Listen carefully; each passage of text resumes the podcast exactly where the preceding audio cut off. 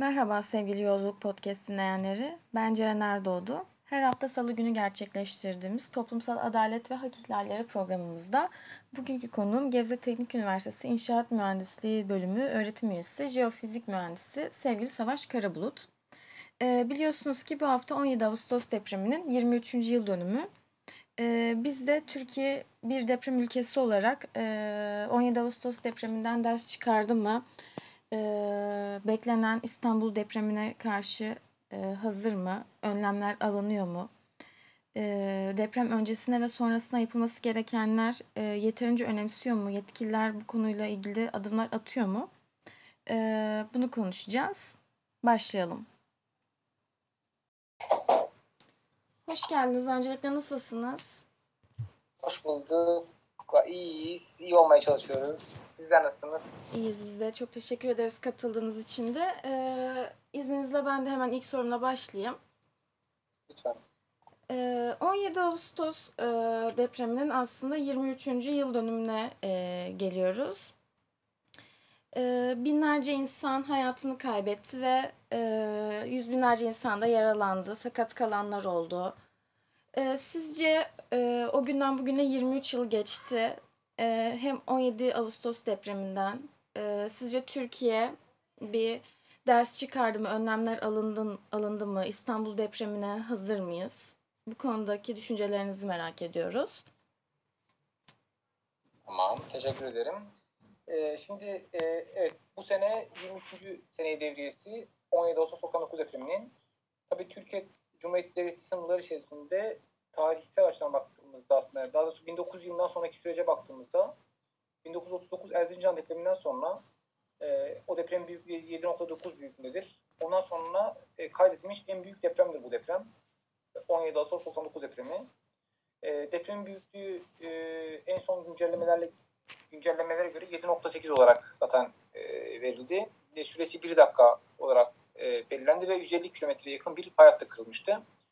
Şimdi e, o sürece hemen hızlı bir şekilde geri dönersek o süreci hatırlayanlar çok iyi bilir. 17 Ağustos 99 depremi olduktan sonra birkaç gün deprem fırtınası meydana geldi. Yani deprem hı hı. fırtınasıyla kastettiğimiz e, bir, bir gün içerisinde sürekli depremlerin olduğu e, şekilde e, bu bulunan olaylara deprem fırtınası deniyor ve e, sürekli depremler oluyordu. O dönemin hastane müdürü rahmetli Ahmet Mete Şıkır hocamız e, kendisi de İstanbul Üniversitesi Jeofizik Mühendisi bölümünde uzun süre görev yapmış. Daha sonra Kandil Hastanesi'nin müdürünü yapmış olan bir kişiydi.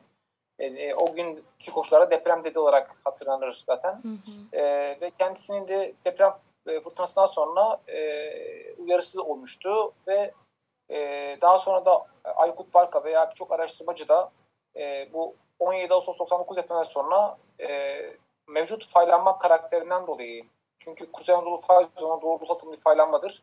Doğrultu atımlı faylanmalarda e, gerilmeler e, uçlara doğru yayılır. Yani ortada bir deprem oldu İzmit depreminde. Ya batıda e, Marmara ya da doğuda Düzce depreminin olması muhtemel uyarısı yapılmıştı. Zaten gerilme e, eğrileri de yani stres komut eğrileri dediğimiz eğriler de bunu doğruluyordu. E, yani gerilmenin nereye doğru yayıldığına dair. Ve sonra e, hatırlarsanız 3 ay sonra 12 Kasım depremi oldu. Bu depremden sonra sınırlarımız içerisinde olan büyük depremden bir tanesi de Van depremiydi. Hı hı. Çünkü şey dediniz yani ders çıkardım diye sorduğumuzda hı hı. 2011 depremi olduğunda da 600 e, sanırım 650 yurttaşımız hayatını kaybetmişti. Evet. Ardından, ardından birçok deprem de oldu. 5 büyüklüğünde, 6 büyüklüğünde, Tunceli'de e, vesaire, Manisa'da, işte Malatya, e, Elazığ depremi e, vardı en son biliyorsunuz. Ve Sisam Adası depremleri oldu.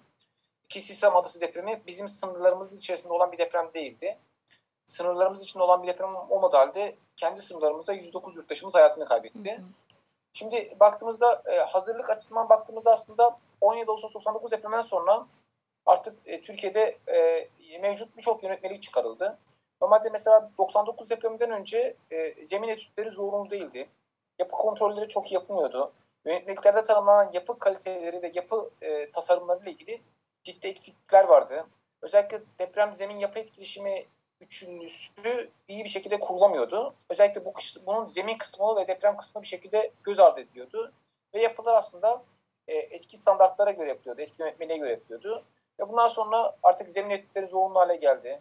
Yapılar e, yapıların kontrol için e, e, kamu kendi denetim etkisini elinden alıp yapı denetim gibi bir bence e, sınır e, kabul edilemeyecek bir, bir şeye geçti. Sonra afet yasaları çıkarıldı. E, yani aslında en son çıkarılan 2018'de çıkarılan e, 18 Mart 2018'de çıkarılan yeni Türkiye Bina Yönetmeliği aslında e, Türkiye'de yasal altlık açısından yani hukuki norm açısından birçok şey yapıldı. E, 17 Ağustos 99 depreminde bir kişi ceza aldı. O da e, e, Yalova'da yaptığı binalardan yıkılan Veli Göçer'di. O da e, birkaç yıl önce serbest bırakıldı. Hı hı. Fakat orada bir e, kamusal sorumluluk yoktu. E, yani idarenin yani kamunun yönetici hakim, merkezi veya yerel yönetimlerin hiçbir sorumluluğu olmadığı e, aslında bir şekilde dolaylı olarak yapılmış oldu. Çünkü şey yoktu yani bir yargılanan yoktu veya cezalan yoktu. Fakat Türkiye'de ilk kez 2011 yılında Van depreminde e, ilk kez kamu ceza aldı. Yani e, ilin valisi e, ve belediye yetkilileri e, ve belediyeden bazı çalışanlar e, e, özellikle sorumluluklarının yerine getirmeden dolayı 7 yılla işte 1 yıl arasında değişen cezalar aldı. Aslında bu önemliydi Türkiye'de. Çünkü e, şu anda baktığımızda e, ders çıkarıldı mı? E, evet, birçok şey yapıldı. Yapılanlar nelerdi? İşte yasal yönetmelikler çıkarıldı. İstanbul özelinde konuşmak gerekirse İstanbul'da erken uyarı sistemleri kuruldu. Tsunami erken uyarı sistemleri kuruldu. Karada erken uyarı sistemleri kuruldu. Elektrik su doğal gaz hatlarıyla ilgili birçok bilimsel makale yapıldı. İstanbul'un Avrupa ve Asya yakasının e, Anadolu yakasının daha doğrusu e, şey yapıldı. Yerleşim uygunluk haritaları hazırlandı. Şu anda yapılmayan bölgelerde çalışılıyor mevcut yönetim tarafından. E, İBB e, CHP'li İBB yönetimi tarafından kalan yerler çalışılıyor. Hı hı. Şimdi baktığımızda e, aslında bilgi olarak birçok yayın çıkarıldı. Özellikle hatırlarsanız başlangıçta faylar kırılacak, kaç fay olacak, 5 fay olacak mı, 3 fay olacak mı, büyüklükleri ne olacak, derinlikleri ne olur gibi konular konuşuyordu. Aşağı yukarı e, tehlikenin ne olduğu da belli artık. Yani dep artık bir deprem olacak kesinlikle. Depremin büyüklüğü aşağı yukarı, bantları belli, sınırları belli. Hı hı. E, istatistiksel olarak olma olasılıkları da aşağı yukarı belirlendi. Depremin derinliği belli, şehir merkezine olan yakınlığı belli vesaire. Tabii iktidar burada deprem hazırlamak için son iktidar e, işte kentsel dönüşüm yasası olarak bilinen bir yasayı çıkardı. E, ve burada işte binaların dönüştürülmesini e, amaçladı. Fakat bu süreçte çok fazla işe yaramadı aslında. Ben bu süreçte daha çok işte, işte yani Türkiye'deki örnek özellikle İstanbul özelindeki örneklere baktığımızda e, kaç tane e, konut değişikliği sorusunun cevabı yok. Zaten net olarak baktığımızda bakanlıkların, belediyelerin verdiği hatta yayınlardaki İstanbul'daki yapı stoğu sayısı bile farklı veriliyor. Ee, yani İstanbul'da şu anda 1 milyon 200 bin milyon mu yapı var şu anda belli değil. Ee, sonuç olarak baktığımızda bu, bu, bu soruyla ilgili 23 yıl geçti ve 23 yılda e, çok şey yapıldı mı? Yasal olarak yapıldı, bilimsel olarak yapıldı, mühendislik olarak yapıldı. Fakat bu işin kilitlendiği yer şurasıydı her zaman. Finans kısmıydı. Çünkü 17 Ağustos 99 depremi sonrası yaklaşık 20 milyar dolarlık bir şey oldu. Hasar meydana geldi. Yapısal hasar meydana geldi.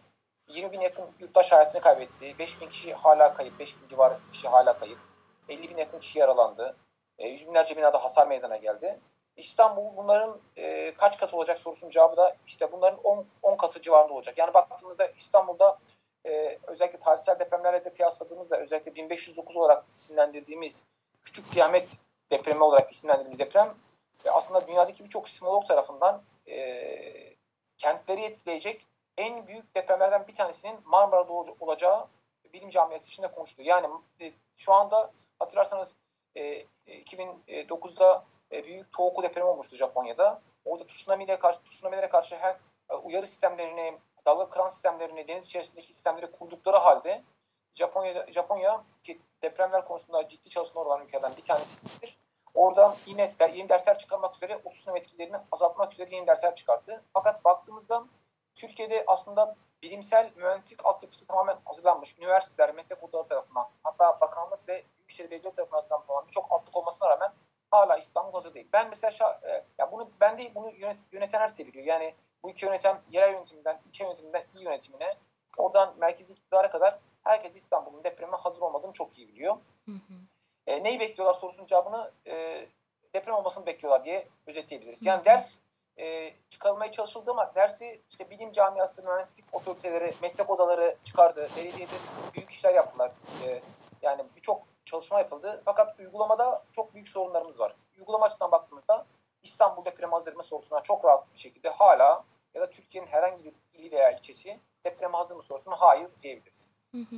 Yani bunun için bir e, ken- kentsel dönüşüm programları ya da e, deprem sonrasında insanların toplanması için gereken alanlar, buna dair herhangi bir e, yeterlik söz konusu değil diyorsunuz. Yok değil, yani toplanma alanları zaten ayrı bir şey konuydu.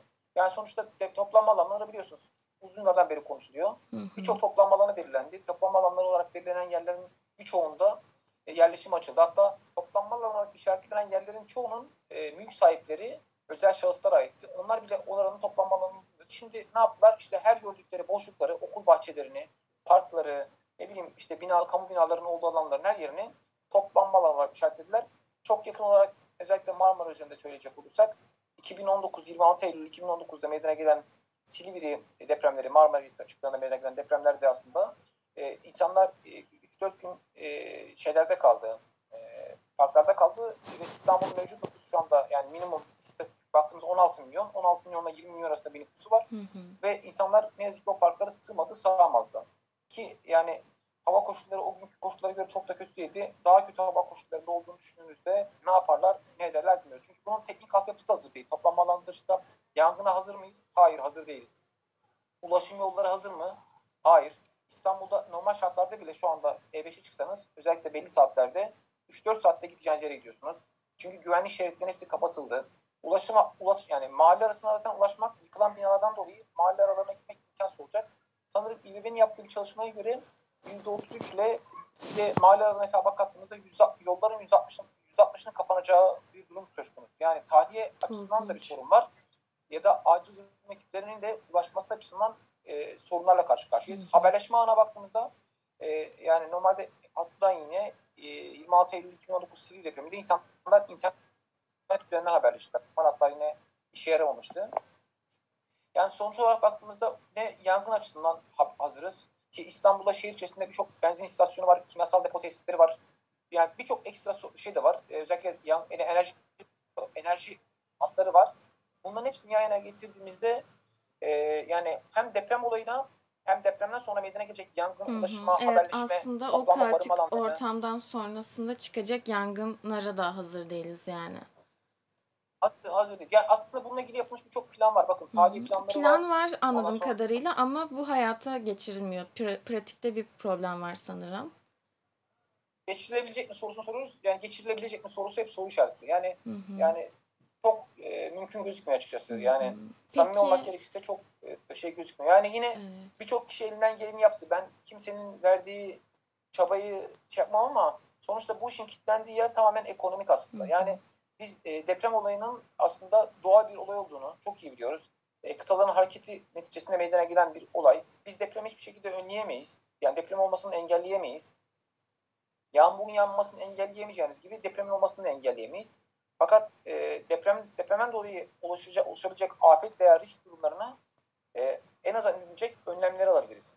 Yani bu önlemleri almak için artık dünyada artık şey var. E, yani dirençli kentler dedikleri, resilience city dedikleri dirençli kentler oluşturmak veya işte kırılganlığı azaltacak e, yani işte hasarı en az önleyecek toplantılar yapılıyor. Hı hı. Bununla ilgili aslında e, ilgili bakanlığın yapmış olduğu birçok toplantısı da var. Hatta eylem planları da var. Fakat baktığımızda yani APAD denen kurum çok büyüdü. Gerçekten çok büyüdü. Birçok doğa olayı oluyor yani işte ve ama şimdi dünyanın birçok yerinde de aslında yağmurlar yağıyor. Artık kentlerimizde biz seller görüyoruz. Mesela sel demişken olası bir depremde tsunami, tsunami meydana gelecek. Bunlar artık kesin net. Eğer tsunami, e, denizdeki kırılma ile birlikte İstanbul'un e, güneyinde Marmara'nın kuzeyinde kalan yamaçlarda heyelanlar meydana gelirse e, yüksek dalga boylu tsunami'lerin meydana gelmesi söz konusu. Yani yaklaşık 6 metreye kadar tsunami, yani iki katlı bina boyuna kadar tsunami dalgalarının ilerlemesi söz konusu. Ki bu tsunami dalgalarının Marmara'daki denizin derinliği düşündüğümüzde ortalama 300 e, 330 km bölü saat hızla karayı vurması bekleniyor. Yani 330 km bölü hızla düşünün bir e, özel spor bir arabanın hızıyla size vuracak. Hı hı. E, ve yaklaşık olarak e, en az 150 metre bazı yerlerde 2 kilometreye kadar karadan içeriye tsunami suları girecek. E, bir de bunları düşünün ekstradan. Yani belki e, bununla ilgili altyapılar çok ciddi hasar görecek. Yani e, yapılan birçok şey var fakat işin hala başındayız diyebilirim ben. Yani Hı. çeyrek asır geçti aslında. Çeyrek asırda hala işin başında olduğumuzu düşünüyoruz. Çünkü aksine şunu söylemesi gerekiyor birinin. Yani ya bu ülke yönetenlerin ya da işte e, siyaset yapan kurumların ya da bu işin sorumlularının başında bulunan bakanlıkların Evet aslında yerel yönetimler ve merkezi yönetimler bu anlamda e, üzerine düşen görevleri yapıyorlar mı? yani şey dediğim gibi bir şeyler yapıldı ama bir şeyler yapıldı sadece o kadar. Yani Hı hı. yapılmadı desek olmaz. E, çok çok şey yapılmadı, yapıldı. Yani şey dediğim gibi bilimsel olarak yapıldı. Hı hı. Mühendislik olarak yapıldı. Sonra Aslında bilim insanları üzerine düşen görevleri yaptılar. yani bilim insanları yaptı, mühendisler yaptı. Hukuk- Hukuki metinler, yani meclisten çok hukuki metin geçti. Yani hukuki normlar da hazır. Fakat e, baktığımızda ben onu bırakın mesela eski yapılara bırakın. Yeni yapılan yapılara bakın. Hatta bilimsel yayınlara baktığımızda bilimsel yayınlarda 2000 sonrası yapılan yap- yayınlar şeyde e, yapılarda bile %20'lik bir hasar söz konusu. Bakın 2000'den sonra yapılan, 2000 hatta 2010 yılları arasında yapılan bir çalışma var. 2000 ile 2010 yılları arasında yapılan 5 katlı binaların %20'sinin orta ve üstü hasar alacağı konuşuluyor. Hı. Bir mühendis yapıyı tasarlarken e, hasar görse bile yıkılmayacak şekilde tasarlar. Yani amaç, nihai amaç hasar görebilir, çatlak olabilir, kırık olabilir. Hatta e, ağır hasar olabilir. Fakat e, yıkılmaz. Yani buna göre tasarlar yapıyı. Fakat baktığımızda e, e, yani yıkılacak o, çok, o kadar çok bina var şu anda yani çok fazla binadan söz. Mesela İBB'nin verdiği rakam 50 bin bina. 50 bin binanın yıkılacağını düşünebiliyor musunuz siz? Yani 50 bin bina, her binada 10 tane daire olsun. 500 bin bağımsız bölüm yapar. Her birinde bir kişi ölsün. 500 bin kişi yapar. Bakın. Evet çok korkunç bir Yani- sayı. Yani düşünüyorsunuz o yüzden e, e, yani bakanlar bile e, çok rahat şunu söyledi. E, e, ölüm rakamları çok yüksek. Yani 500 bin ile 1 milyon arasında e, insanın hayatını kaybedeceği bir durumla karşı karşıyayız.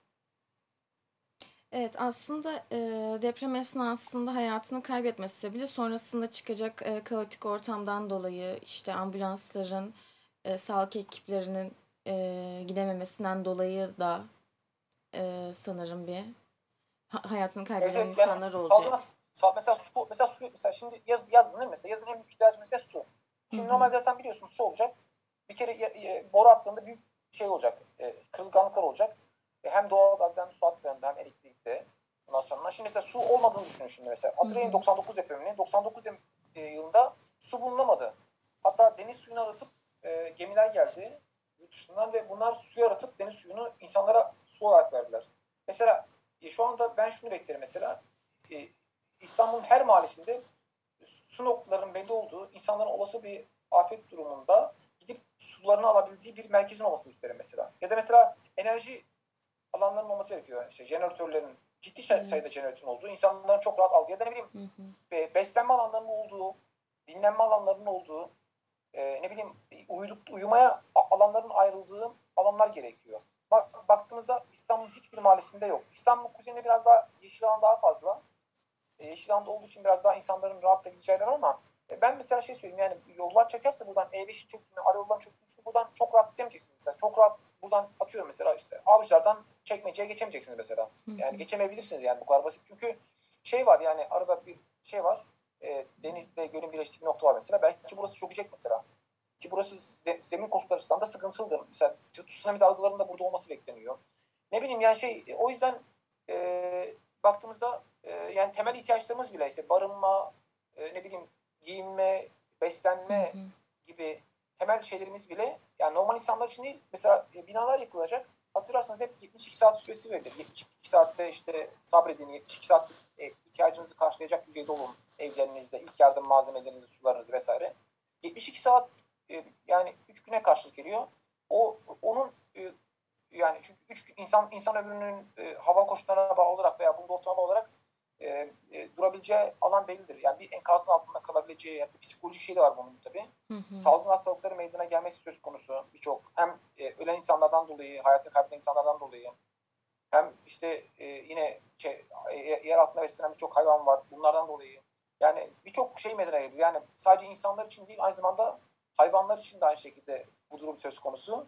Yani ne yazık ki hatta yakın zamanda sanırım İBB bir çalışma yapmıştı. Çalıştay, sanırım bakanlıkla birlikte depremden sonra özellikle bu İzmir depremi öğretti bunu. İzmir depremi çünkü birçok hayvan sıkıntı yaşamıştı şeyden dolayı. Bina, depremde binalarda kalmışlardı özellikle kediler. Hı hı. Kediler e, çok fazla korku. Köpekler hissediyor ama kediler depremden sonra çok fazla kedi hayatını kaybediyor. Korkudan bizim mesela iki tane kedimiz öldü direkt yani Ya- depremden bir, birkaç ay sonra direktmen öldü. Korkudan öldü. Hayvanlar çıkmadı. Hı hı. Yani e, insanlar için de hayvanlar için de ne yazık ki o gerekli altyapı sağlanmış değil ne yazık ki.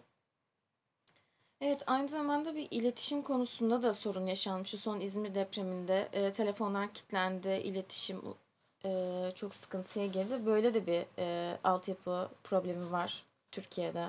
Evet mesela o konuda mesela şey yaptı. Elektrik Mühendisleri Odası'nın e, bir çalıştığı olmuş. Hatta ben de o çalıştayda davetli konuşmacıydım. Hı hı. E, afetler ve haberleşme çalıştayı oldu, panel olmuştu. Panelde mesela orada birçok kişi geldi. Yani bu haberleşme işiyle ilgili ne yapılabilir diye. Aslında yani en çok konuşulan konu aslında bu haberleşme konusunun nasıl sağlanacağı. Özellikle yani bizlerin mesela işte e, artık biliyoruz yani insanlar da artık şey yapıyoruz. Diyoruz ki yani haberleşme konusunu şu şekilde çözün. İşte e, şehir dışından ya da uzakta bir alınan bir kişiye iletişim kurun. Herkes o kişiye mesaj atsın. Oradan doğru e, işte nerede olduğunu ve hayatta olup olmadığını bildirsin. O uzaktaki kişi haberleşmenin merkezi olacak şekilde haberleşin insanlar ama sorun burada şu var yani ya, mesela acil durum ekiplerinin her birinin kolluk kuvvetinden tut polisi, askeri jandarması, e, korucusu neyse artık yani hepsinin burada e, nasıl e, şey yapacağı, e, görev alacağı, nasıl haberleşeceği sorunu. Telsiz ağları var fakat telsiz ağ, ağlarının merkezlerinin ulan komuta merkezlerinde hasar olup olmayacağını da bilmiyoruz. Yani anladınız mı? Onlar bile hala şu anda güvenilmiyoruz. Mesela şunu görüyoruz en azından. Mesela depremden sonra, her depremden sonra hala kamu binalarında, okullarda, hastanelerde çatlaklar görüyoruz. Hasar alan binalar görüyoruz. Hı hı. Yani ben mesela en çok dikkat ettiğim şey aslında bu kamu binalarının kendisi. Kamu binalarının çok fazla nüfusu olduğu için bunların tamamı hazır mı sorusu işareti, soru işareti. Mesela ben en azından şunu istiyorum. Her yapının üzerine, kamu binalarında normal yapının üzerine bir tane tabela asılsın. Bu binanın depreme, e, afet risk tespiti yapılsın, risk yapı tespiti yapılsın.